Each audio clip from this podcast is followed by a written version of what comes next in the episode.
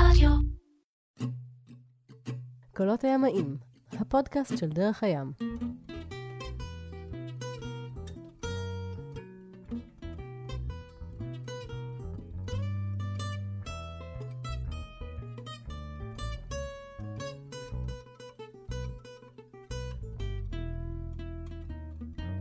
אז הפודקאסט של דרך הים, קולות הימאים, אנחנו היום עם ניר זמיר, שלום. אהלן, אהלן. מה שלומך? מעולה. איך ו- אתה? וואלאק, שני בפברואר, תראה איזה יום שמש קיבלנו. ואנחנו מבלים, עשר וחצי בבוקר אנחנו מבלים בתוך uh, חדר סגור, תכף נצא לים. בוא נבטיח לעצמנו. יאללה, מגניב. אמן.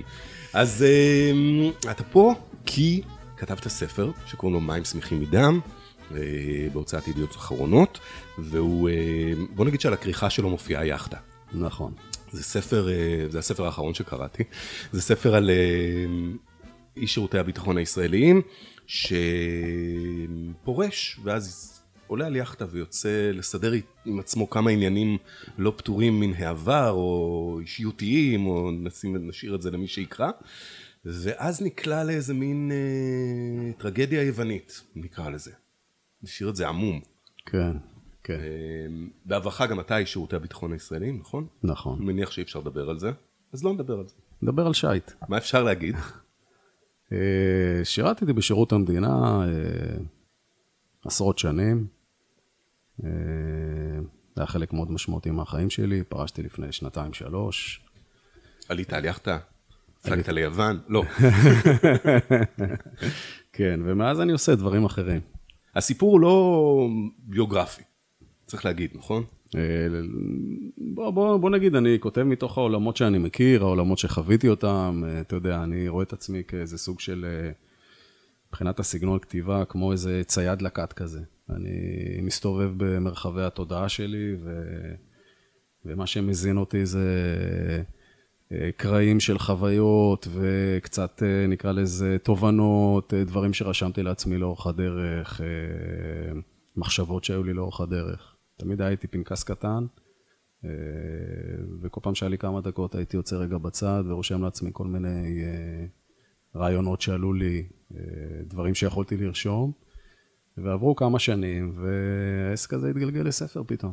והספר הזה כאמור הוא לא בדיוק בדיוק ספר על שייט, אבל השייט הוא חלק, חלק גדול מהבשר שבו. כן. הגיבור אה, מסתובב ברחבי יוון אמרנו, על יאכטה, על בוואריה. א', לא אמרנו יוון ולא אמרנו גם ישראל, אתה אה, יודע, לא, זה זה ממש- אינטרפטציה שלך. העלילה, השתדלתי למקם אותה שתהיה אוניברסלית, זה נכון שיש שם רמיזות ליוון, ויש גם, ולצורך העניין הגיבור... יש שם אפילו איזה יורגוס, או משהו, אז נכון, נכון. זה, חייב להיות ביוון. כן, השמות הם אה, שמות כאלה, גם כן השתדלתי שיהיו אוניברסליים, כי רציתי בסוף שבחוויה של הקורא, הדגש יהיה, הפוקוס של הקורא יהיה בעצם על הסיפור ועל האינטראקציה בין הדמויות והתהליכים שהם, שהם חוות ו- ואולי צומחות בתוכן, ו- ופחות עכשיו אה, שזה יהיה צר לצורך העניין של אה, הנה הישראלי שפוגש את היווניה וכו' וכו'. טוב, אז, אז דיברנו על הספר, בוא נדבר רגע עליך.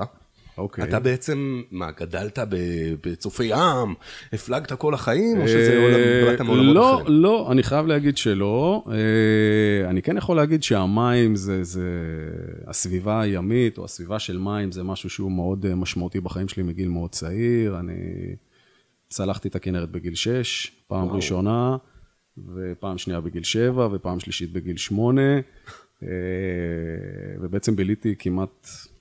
מה, חוגי שחייה כזה? לא, אפילו בלי חוגים, פשוט שחיתי המון, הייתי כל הזמן בים ובבריכה. אה, בהמשך, אה, כמובן עשיתי קורס צלילה, וצללתי, ואילת, וסיני, וזה משהו שאיזה, איזשהו תחביב שהיה לי. לאחר מכן עברתי לגלשני רוח, אה, גם ביליתי כמה שנים בתחום הזה, ואיפשהו לפני משהו כמו קצת יותר מעשור, התחלנו קצת לנשום אה, באזורים של הקריירה ושל המשפחה, ואז אה, אמרתי ליפעת אה, זוגתי, יאללה, הגיע הזמן אה, לעבור לכלים יותר גדולים מגלשני רוח, ובואי נעשה קורס קיפרים. עשיתם יחד? לא, לא, אני עשיתי. בואי אני אעשה. בואי אני אעשה קורס קיפרים. אה, זהו, ואז גם הגעתי לדרך הים. אה, האמת שהסתובבנו פה על המזח, זה היה לפני איזה משהו כמו 12-13 שנה. אני זוכר, הגענו לפה, נכנסנו פנימה, היו נורא נחמדים. נדמה לי שזה היה יוסי, התרוצץ פה יחף, היה פה צעקות ובלאגן. אמרתי ליפעת, תקשיבי, זה המקום. אה, וזהו, ולמדתי פה, ובהמשך, שהיה לי גם זמן, גם פיתחתי את זה, ועשיתי את המשית 60 ואת המשית 40, והיום אני עושה פה טיפה הדרכות כשיש לי זמן. אה, אז זה ככה החיבור שלי לעולם של, ה, של הים. אתה גם אה, חבר בצוות ההנהלה של מה שנקרא פרויקט מפרשים. כן. האמת שאם אנחנו הולכים לדבר על מפרשים זה מעולה, כי אז זה יחסוך לי לדבר על עצמי, ונוכל לדבר על מפרשים, ואנחנו נגנוב את כל הפוסט לטובת מפרשים.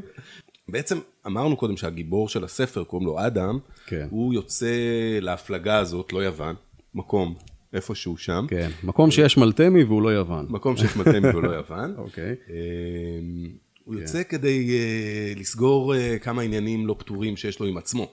לרדת לעומק הפסיכולוגי של עצמו, נקרא לזה. כן? אני איך חושב... מגדיר את זה? אמ, כן, סוג של מסע ימי שהוא עושה עם עצמו, שאני מודה שזה איזשהו חלום שיש לי עדיין, לצאת לאיזה הפלגה לבד ככה לתקופה ארוכה. אז יכול להיות שמהמקום הזה גם הכנסתי את זה לתוך הסיפור, וגם אני חייב להגיד שזה די בהשראת מפרשים, זאת אומרת, אה, כבר מתחילת הדרך ראיתי את, ה, את העוצמה, את הכוח ש, שיש במסע ימי. אומנם במפרשים זה מסע ימי קבוצתי, ופה מדובר על מסע אישי. נעשה, בוא נעשה סוגריים רגע ונסביר מה זה מפרשים, בבקשה. אוקיי, מה זה מפרשים? לטובת מאזיננו שלא פגשו את הפרויקט הנפלא, זה סבבה. פרויקט חברתי של דרך הים. סגור. אז uh, מפרשים, בואו רגע נעזוב את כל ההגדרות הפורמליות. מפרשים בסוף, זה עבורי, זו ההוכחה המאוד חשובה שעולם השיט הוא לא רק מרחב של נהנתנות והדוניזם, אלא הוא מרחב של נתינה. ואפשר לעשות uh, דברים מדהימים לטובת uh, ולהיטיב עם, uh, עם אנשים שנמצאים סביבנו באמצעות, באמצעות שיט או מפרסנות.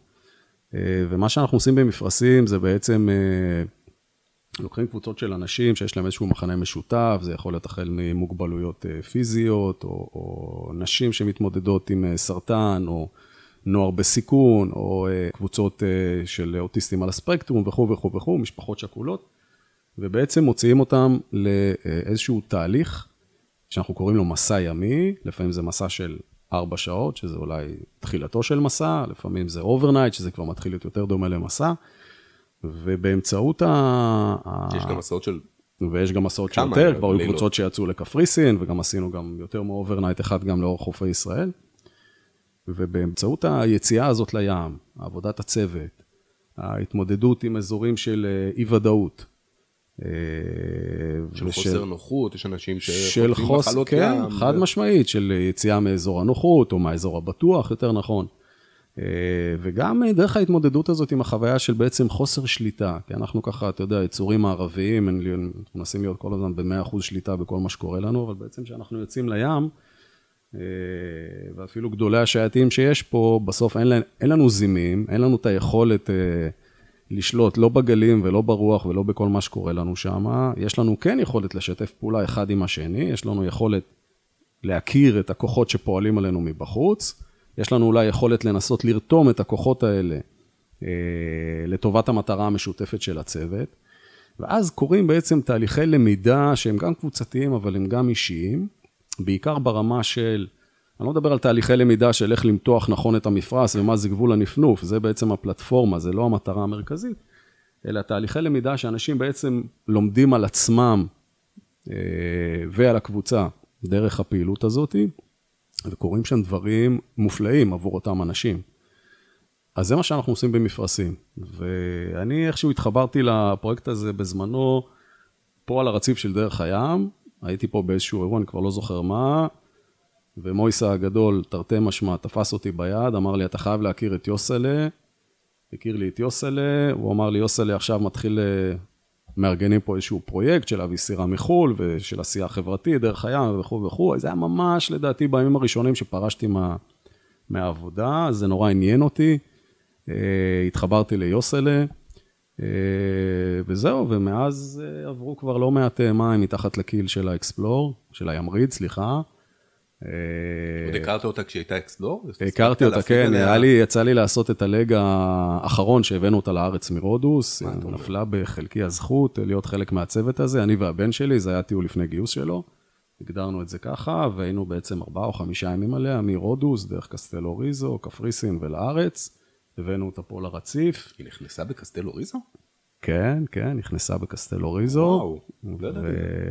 כן. ויאכט- מדובר ביאכטה ענקית. אה, כן, 67 feet, אה, 48 טון, אה, בהחלט סירה בסדר גודל גדול. במספנה נמצאת ב- בהספנה, אנחנו בימים מנצלים. עכשיו, כן, את מזג האוויר, כדי באמת להכין אותה, כי הסירה הזאת עובדת, היא ב full capacity מבחינת הפעילות שלה. ומדובר בפעילות אה, אה, למען. למען החברה, כן? בסוף זו עמותה, מלכ"ר, ללא מטרות רווח, אה, ואני מאוד התחברתי לזה. ואם אני אקח את זה קצת ככה לאזור של מה שדיברנו מקודם, על הספר אולי, ועל אה, על אנשים שיוצאים מתוך שירותי הביטחון, אה, אני הרגשתי שיש לי איזשהו ארגז כלים שרכשתי לאורך השנים, בכל מה שקשור ב... נקרא לזה מיומנויות בין אישיות ו- ויכולת תכנון וחשיבה. מצד שני, ידעתי תמיד שאנשים שישבו מולי, אה, נקרא לזה האובייקטים שלנו, אה, או בהמשך, שגם ניהלתי יחידות כאלה וניהלתי מערכים כאלה, ידעתי שהאנשים שאנחנו מטפלים בהם, תסלח לי על ה... אם זה מתאים או לא מתאים לאזרחות המושג הזה, אבל אנשים שאנחנו מטפלים בהם, בסוף, בסוף, בסוף, הם לעולם יוצאים מפסידים מהטיפול הזה, גם אם הם חושבים שהם מרוויחים ממנו. מי שמרוויח זה מדינת ישראל, ביטחון המדינה וכו' וכו', זאת אומרת, למען המטרה הנעלה. ומבחינתי מפרשים זה סוג של הזדמנות אולי אפילו לחוויה מתקנת. זאת אומרת, לקחת את ארגז הכלים ולדעת שאנשים שיושבים מולי, הם מרוויחים ממה שאני יודע לתת להם, ולאו דווקא בסוף מפסידים ממנו. אה, וזה אולי באמת החיבור בין העולמות שהייתי בהם לבין העולמות שאני כרגע נמצא בהם. זאת אומרת, היום אתה עסוק קצת בתיקון העולם. אה, אני לא יודע אם בתיקון העולם, זה נשמע לי קצת יומרני, אבל אני כן מנסה אה, לקחת את אותו ארגז כלים מפורסם, שאני, הוא תמיד יהיה חלק ממני, ולנסות קצת להיטיב עם האנשים שסביבי. אה, אפשר לומר שמי שעסק אה, עשרות שנים, כמו שאמרת, בשירותי הביטחון, ממילא התעסק בלהיטיב עם האנשים שסביבו. נכון, אבל אתה מטיב למען מטרה מאוד נעלה, אבל בסוף האנשים שאתה, נקרא לזה, מטפל בהם או נוגע בהם, ושהם גם נוגעים בך, זאת אומרת, בסוף הכל, אתה יודע, הוא עובד לכל הכיוונים, ולצורך העניין הם נופלים בקטגוריה של הרעים, בסדר? המחבלים, המרגלים, או לא משנה מה, כל המושאי טיפול שלך, אה, בסוף הם בני אדם. אה, ואני חושב שההבדל בין אנשים כמוני לבין אה, רוב האוכלוסייה האחרת שלא מכירה את העולמות האלה, זה שאנשים כמוני שבאים מהאזורים האלה, אנחנו מכירים את הלבן שבעיניים האמיתי של האנשים שיושבים מולנו. אנחנו יודעים באמת שהמושג הזה של רעים וטובים, הוא מושג, אה, נקרא לזה, עמום יותר ממה שרוב הציבור נוטה לחשוב. אנחנו רואים לפעמים סיטואציות שאנשים נקלעים לתוך אה, מצבים, אה, לאו דווקא כי הם רוצים להיות כאלה, והם פתאום מוצאים את עצמם כאלה, ואז אנחנו נאלצים לטפל בהם. מזכיר את אחת הדמויות. מזכיר את אחת הדמויות בספר, ובאמת ניסיתי להביא את זה לידי ביטוי, את המורכבויות האלה, את, ה, את הרעיון הזה שבעצם... בספר. לא תמיד הרע... לא תמיד הרע הוא בוחר להיות רע והוא מונע ממקומות רעים, אלא... גם הוא- הרע האידיאולוגי, נקרא לזה. כן, חד משמעית כן, אלא יש אנשים שפשוט, אה, נקרא לזה, הם אה, אוסף של בחירות אומללות שלהם בחיים, שמוביל אותם למקומות אומללים, הם גם מאמללים את הסביבה, ואז בלית ברירה, אנשים אה, כמוני, לשעבר, מוצאים את עצמם, שוב, ה- מטפלים בהם, המילה הזאת, הלא. נעימה, מטפלים בהם, כן, וגם אם נעזרים בהם, זה בעצם נעזרים בהם כדי לטפל ב- בבעיות מהסוג הזה, כן. מורכב. כן? אז בעצם גם בשבילך ה- הים הוא מקום שבו אתה מטפל בדברים? אני לא יודע אם להגדיר מטפל, אבל uh, טוב לי בים. Uh, אני לא זוכר את עצמי חוזר מהים אי פעם, uh, גם בים קשה לצורך העניין, שאני מרגיש רע, אוקיי? אז uh, תמיד טוב לי שאני חוזר מהים. אני אוהב את האדרנלין, אני גם קצת מכור לאדרנלין, ואם יש שיט שהוא טיפה מאתגר, אז זה בכלל מרים אותי. Uh, והעיניים שלי פתאום, uh, הדופק שלי עולה קצת, והעיניים שלי מבריקות, ואני אני עף על זה. הים עושה לי טוב. אה, אני מרגיש טוב בים, גם פיזית, גם מנטלית. אני גם אוהב את כל ההתעסקות עם המפרסנות, אני מאוד מתחבר לעבודת ידיים, אני מאוד מתחבר ל... זאת אומרת, אני אדם של, של לעבוד עם הידיים, אה, של מיומנויות פיזיות, אני, אני אוהב את הדברים האלה. אה, ואני מרגיש שגם הים עבורי הוא, ובעיקר כל מה שקשור במפרסנות, זה נקרא לזה מרחב למידה אינסופי. זאת אומרת, אני מסתכל על עצמי לפני עשר שנים איך הפלגתי, איך אני מפליג היום, וברור לי שעוד עשר שנים אני אהיה במקום אחר מבחינת יכולות ההפלגה. ומאחר ואני אוהב נורא ללמוד ולחקור דברים ולהרגיש שאני מתפתח ואני לא חסום, אז uh, כל הנושא הזה של השייט, הוא מבחינתי, אני מרגיש שאני יושב באיזה מגרש uh, משחקים עצום, ורק uh, לך ותשחק ותלמד, וזה לא ייגמר לעולם. אני רוצה להקריא משהו מהספר, אפשר? יאללה. שקשור בשייט וקשור במקרה הזה בתחזוקה של, okay. אוקיי. של סירות, זה, זה רגע, uh, רגע לא פשוט לאדם הגיבור, והוא גר על יאכטה. נכון. באיזשהו מפרץ, נקרא לזה, לא ביוון, באיזשהו מפרץ באיזשהו מקום. אמ, וזה הולך ככה, המחשבות המתנגשות בראשו מותירות אותו מפוחד מעבר למה שהוא מוכן לקבל, ואדם מנסה למלט את עצמו אל השכחה העצמית שבעשייה. זה היופי בסירות, הן כלי בריחה מושלם. תמיד יש מה לתחזק. הוא יורד לפנים הסירה, מרים את הדלתות ומתחיל למרק בצורה סדורה את השיפוליים משאריות של שמן ומים שתמיד נקבים שם. מזמן את בגדי ההיגיון והסדר שבפעולותיו לכסות על גופו העירום של הרגש שהתעורר בו. אחרי עשר דקות של קרצוף, הוא מרגיש שהשליטה חוזרת אליו. זה זה, נכון? אלה כן, הדברים האלה כן, שאמרת, כן. אה, שאתה אוהב, את עבודות הידיים, את, ה... את העשייה הזאת. אתה חושב שיום אחד תהיה לך סירה?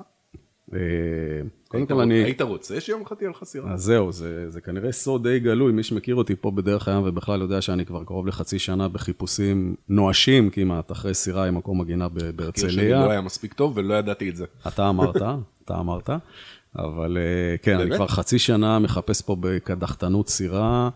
אה, כבר הייתי על סף אה, סגירה עם אחת הסירות פה במרינה, וזה נפל בה ממש בדקה ה-90 וזה היה מתסכל. אה, ויש עכשיו עוד איזושהי סירה בקנה, ואני מאוד מאוד מקווה שאם לא הפתעות של הרגע האחרון, אז אני יחד עם חבר שהוא שותף לדרך, תהיה לנו סירה פה. מהמם. מעניין. כן. אה, בוואריה? כמו בספר? לא, לא, לא בבית. הספר אינו מבוסס על המציאות, כן, צריך להגיד את זה כן. שוב ושוב. כן. אה, לא, לא, בוואריה, אה, ז'נו, סן אודסי. אה, נייס. כן. ואפשר לשאול למה דווקא פה? זאת אומרת, זה מאוד קשה שתהיה יאכטה בהרצליה, ב... נכון, נכון. למה דווקא פה? זו שאלה תקופה מעולה. של מצוקת עגינה נכון, ומצוקת הגינה, ואומרים, ולמה לא תקנה בחו"ל, ולמה אתה צריך סירה בארץ, וכל השיקולים האלה שהם אחלה שיקולים. אבל אני מסתכל על סירה, אה, בוא נגיד ככה, לא כאיזשהו תהליך שהוא לוגי טהור, אלא ברור לי שבסוף מבחינתי התשואה של הדבר הזה זו תשואה חווייתית, אוקיי? אז אה, זה נותן מענה ללמה להחזיק סירה, כשברור שמבחינה כלכלית זה, זה לא משתלם, אוקיי? אז זה תשואה חווייתית. למה הרצליה? כי אני מצאתי את עצמי שאני מבלה פה בהרצליה ומשקיע פה לא מעט מהזמן שלי לפחות שלושה, ארבעה ימים בשבוע. זה פוגש אותי א' בפעילות שלי במפרשים שאני מגיע לפה, זה פוגש אותי בזה שאני עושה הדרכות בדרך הים. אה, זה פוגש אותי בזה שאני עושה את הספורט שלי פה בים בהרצליה, אני חותר על אה, סרפסקי. אה, ו... גם אתה? יאו. וככה הגעתי למסקנה שסירה בהרצליה שנמצאת פה, היא, היא מעבר לסירה בהרצליה. זאת אומרת, זה סוג של... אה, אני כל הזמן עושה אינטרפטציות בראש כדי לא להשתמש במושגים מהעולם הקודם שלי, אבל זה כמו אה, דירה מבצעית, בסדר? יש לי דירה מבצעית פה בהרצליה. ואז בין הדרכה לבין אה, התנדבות במפרשים, לבין זה שאני נמצא פה בכל מקרה, יש לי פה גם מקום שהוא יכול לשמש כ... אה, מעבר להיותו סירה, זה גם מקום לכתוב, זה גם מקום לשבת לעשות פגישות, זה גם מקום... קיצור, דירה מבצעית, אהבתי. דירה מבצעית. שיכולה גם לזוז למקומות. אני חייב להיפטר מזה, כן. אה, כנראה שלא תיפטר מזה, יש לי תחושה שלא תיפטר מזה. אז, יש סירה בקנה, זה מעניין. אז יש סירה בקנה, והרעיון הוא באמת שהיא תהיה כמובן בעונה, בסיזן היא תהיה בחוץ, ואז אה, נוכל אה, להפליג ולטייל ולחוות ולהשתפר וללמוד. יש איזה הבדל מאוד מאוד משמעותי בטח בין להיות חבר במועדון שיט ולשוט על הסירות האלה לבין לצאת עם סירה משלך. נכון. ולדעת שכל זה מהקהיל ועד הקצה של התורן שלך. אז אני... ואתה אחראי לזה. בדיוק מה שאתה מתאר, זה בדיוק הס... אחת הסיבות שאני רוצה סירה משלי. אה, עם כל האנשים שמשכו לי בשרוול, האנשים הטובים והמנוסים, כולל כאלה בעלי סירות לשעבר, כולל כאלה חלקם פה מתוך הקהילה של דרך הים, כולל מתוך אה, ההנהלה של דרך הים, והסבירו לי כמה הדבר הזה הוא לא נכון והוא מיותר, אבל אני רוצה לחוות על בשרי את החוויה הזאת של להיות בעלים של סירה, אה, ואז מבחינתי המסע הוא מסע אותנטי, נקרא לזה. ולא על סירה שאתה בא, עושה עליה שבוע, ולאחר מכן מחזיר אותה ולא ואז זוכר איך היא נראתה. תצטרך לעשות הרבה תחזוקה. והרבה תחזוקה, ואני גם אוהב תחזוקה. פילג'ים. כן, אז יש לי את זה מהעולם של האופנועים, ומשם אני, אני רוכב על אופנועים מגיל 16, ואני משתדל לתחזק את האופנוע ברוב, כמעט הכל, למעט דברים מאוד מורכבים, אני עושה לבד. אה, ואני אני מנסה לקחת את המודל הזה ולהעביר אותו לעולם אה, השיט. מוכר.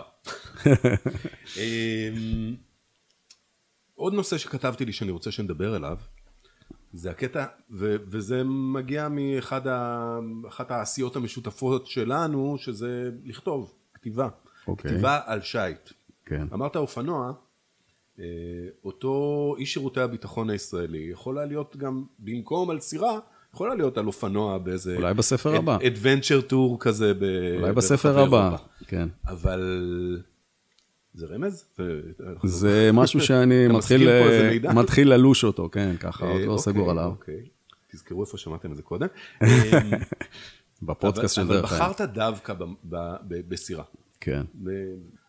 אני, זו נישה, עולם השיט. זו נישה שרוב האנשים שנמצאים פה בקניון ליד מכירים רק מ- מרחוק, אה, להסתכל על הסירות, להצטלם ליד סירה, אולי אה, לצאת על איזה כזה, אה, באיזה קרוז או באיזה צ'רטר יומי כזה לכמה שעות בים, לחטוף מחלת ים, לחזור, להגיד את זה אני לא אעשה יותר אף פעם בחיים. למה דווקא, למה הגיבור הזה, האדם בספר, יוצא דווקא ביאכטה? שאלה מעניינת. אני אומר את זה כי לא היה לי הרבה מרכיב, נקרא לזה, של תכנון מוקדם שכתבתי את הספר. במובן הזה שזה לא שאני עכשיו אה, אה, מתכנן איזה מבצע, עוד פעם אני נגרר למחוזות שלי, של פעם, ואני יושב עכשיו וכותב פקודת מבצע סדורה ומתוכננת של מה קורה כל דקה. לא ככה אני כותב. אה, ככה גיליתי שאני לא כותב ככה. זאת אומרת, כשאני מתחיל לכתוב, אני, אין לי מושג איך ייגמר הסיפור ו- ו- ומה יהיה, אלא אני מתחיל, אה, זה קצת אולי דומה ל... ל- לא יודע, לפסל שלוקח איזה גוש אבן ומתחיל לשחק איתו, ולאט לאט מתחיל אה, להתגבש לו איזושהי, איזשהו פסל מתוך הגוש אבן הזה.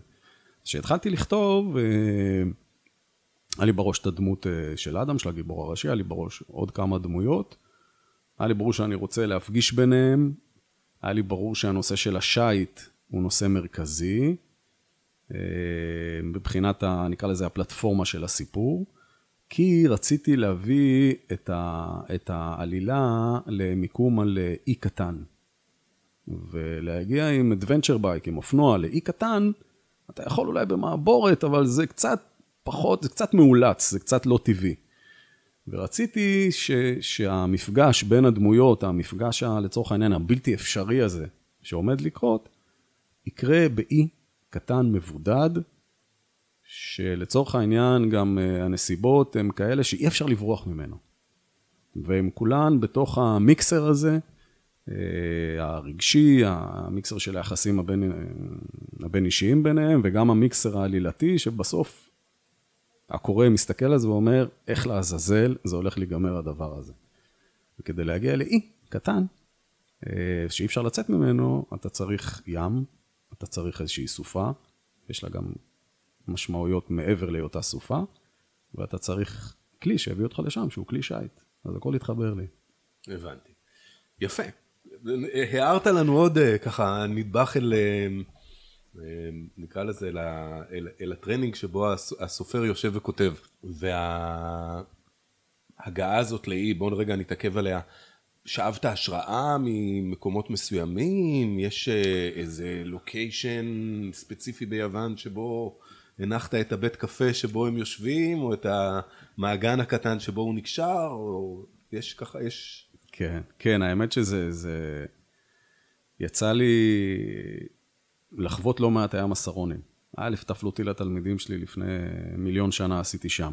זה היה המקום הראשון שחוויתי ביוון דרך שייט, וזה ככה נצרב בי עמוק. אחר כך אה, יצא לי להפליג שם גם לבד. יצא לי לא מזמן לעשות שם עם, אה, עם יוסי סוקולוב, אה, להדריך שם פלוטילת סקיפרים באזור הזה. ואיכשהו משום מה, המעגן של, ה... של האי המדובר בספר, האי שאין לו שם, משום מה כל הזמן עלה לי בראש התמונה של המעגן בהרמיוני. ו... וגם, אני לא יודע אם אתה זוכר, הצפוני או הדרומי? הדרומי דווקא, הדרומי. כן. וגם, אה, אני לא יודע אם אתה זוכר, אבל בספר... שנמצא במערב המפרץ הסרוני, נקרא לזה. כן, כאילו, היה נראה לי מובן מאליו שכל מי ששומע את הפודקאסט אמור לדעת אבל איפה לא, זה. בשביל זה אני פה. כן, סבבה. אה, אז, אה, אז משום מה זה כל הזמן צץ לי בראש, והיה לי נוח, כי כשרציתי לכתוב סיטואציות שהוא יורד מהסירה, והוא פונה ימינה ופונה שמאלה והוא הולך, אני לא יודע אם אתה זוכר, יש שם גם קטע שהוא נכנס לאיזושהי קונדיטוריה מקומית, אז יש את הקונדיטוריה המפורסמת אה, בהרמיוני, ששם בדרך, אני לא יודע אם עוד קיימת, ב... כבר לא הייתי שם שנה, אבל לצורך העניין, את הקונדיטוריה המפורסמת שכולם עוצרים ומתענגים על הפחמימות והגלוקוז שיש שם, אה, וזה כל הזמן קפץ לי לראש.